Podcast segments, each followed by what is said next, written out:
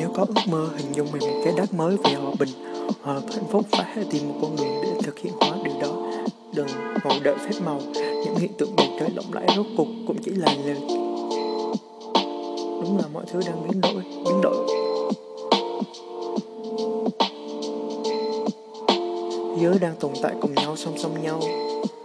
Hãy trồng cây và bất cứ lúc nào cũng nên ý thức rõ về những sản phẩm phương tiện dịch vụ mà dùng mà mình dùng ý thức xem nó có liên quan đến nhiên liệu hóa thạch hay không, có công nghiệp phụ thuộc vào trái với tự nhiên hay không, quá trình sống và tiêu thụ đó có nặng nề vật chất, cơm áo gạo tiền có để lại những rác thải lâu phân hủy, làm mất cân bằng sinh thái hay không. Hãy ngừng ăn sản phẩm, sản vật địa phương, ăn ít thịt để tránh những nặng nề oán khí, ăn vừa đủ, sinh hoạt vừa đủ, đừng đầu cơ tích trữ, đừng bám víu vào thành thị nếu trong việc của các bạn không yêu cầu điều đó, không. Chia sẻ năng lượng lạc quan tích cực, hy vọng niềm vui là tốt. Đừng chê bai, chỉ trích những cái sai sót của những người đang còn ngủ mê. Chỉ có thể chỉ ra cái nên không nên làm, đưa ra nguyên nhân. Đừng mắng chửi, bản thân lời mắng chửi cũng tạo ra tiêu cực và làm ảnh hưởng lên năng lượng tích cực hơn làm ảnh hưởng tới những người viết và người vô tình đọc phải. Dành nhiều thời gian hơn cho việc nghiên cứu tự học phát triển bản thân nếu không thay đổi được ai ngồi mình thì hãy tập trung vào thay đổi mình trước.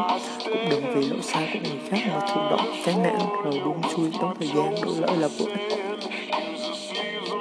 Cách đây một hôm, mình cùng các anh chị trong bộ phim. Xin chúc bộ những bạn còn tích độ tiền mới về vườn tức là vẫn còn muốn trái đất là một hệ thống chuyển hóa năng lượng bao gồm năng lượng từ ánh sáng mặt trời, bầu khí quyển và các đám mây. Trong khi đó, cơ thể chúng ta là cấu thành chủ yếu từ nước và các chất khoáng. Nếu đều là những chất dẫn truyền điện tích tốt để đó lý giải cho sự kết nối của chúng ta với trái đất. Bởi vì nó có tính dẫn điện, toàn bộ cơ thể chúng ta đều có thể kết nối với trái đất. Nhưng khả năng này mạnh mẽ nhất là ở mặt trăng là mặt trăng được bao phủ mạng lưới dồi dài với 1.300 đầu dây thần kinh trên một inch. Chạm đất là một trong những cách tốt nhất để trung hòa các bức xạ có hại cũng như chữa lành cơ thể, ổn định tinh thần và giảm các triệu chứng tâm lý, viêm và rối loạn nhịp tim tăng vào ngày trăng tròn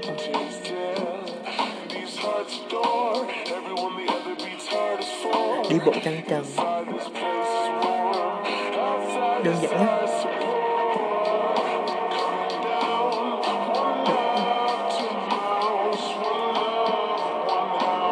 chạm đất lâu ngày giúp cải tạo lại bầu gen của chúng ta khôi phục lại sự kết nối tự nhiên.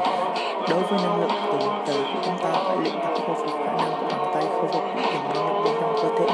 Các mông mạch và tế bào ăn uống các thực phẩm từ thực vật như năng lượng từ mặt đất cũng chỉ cần liên tục duy trì sự tiếp xúc là được tốt hơn thêm một chút hoạt động như đi bộ. Thời gian này để tục được truyền lại cho con cháu, tích lũy khả năng phục hồi tăng sức khỏe đề kháng mạnh hơn.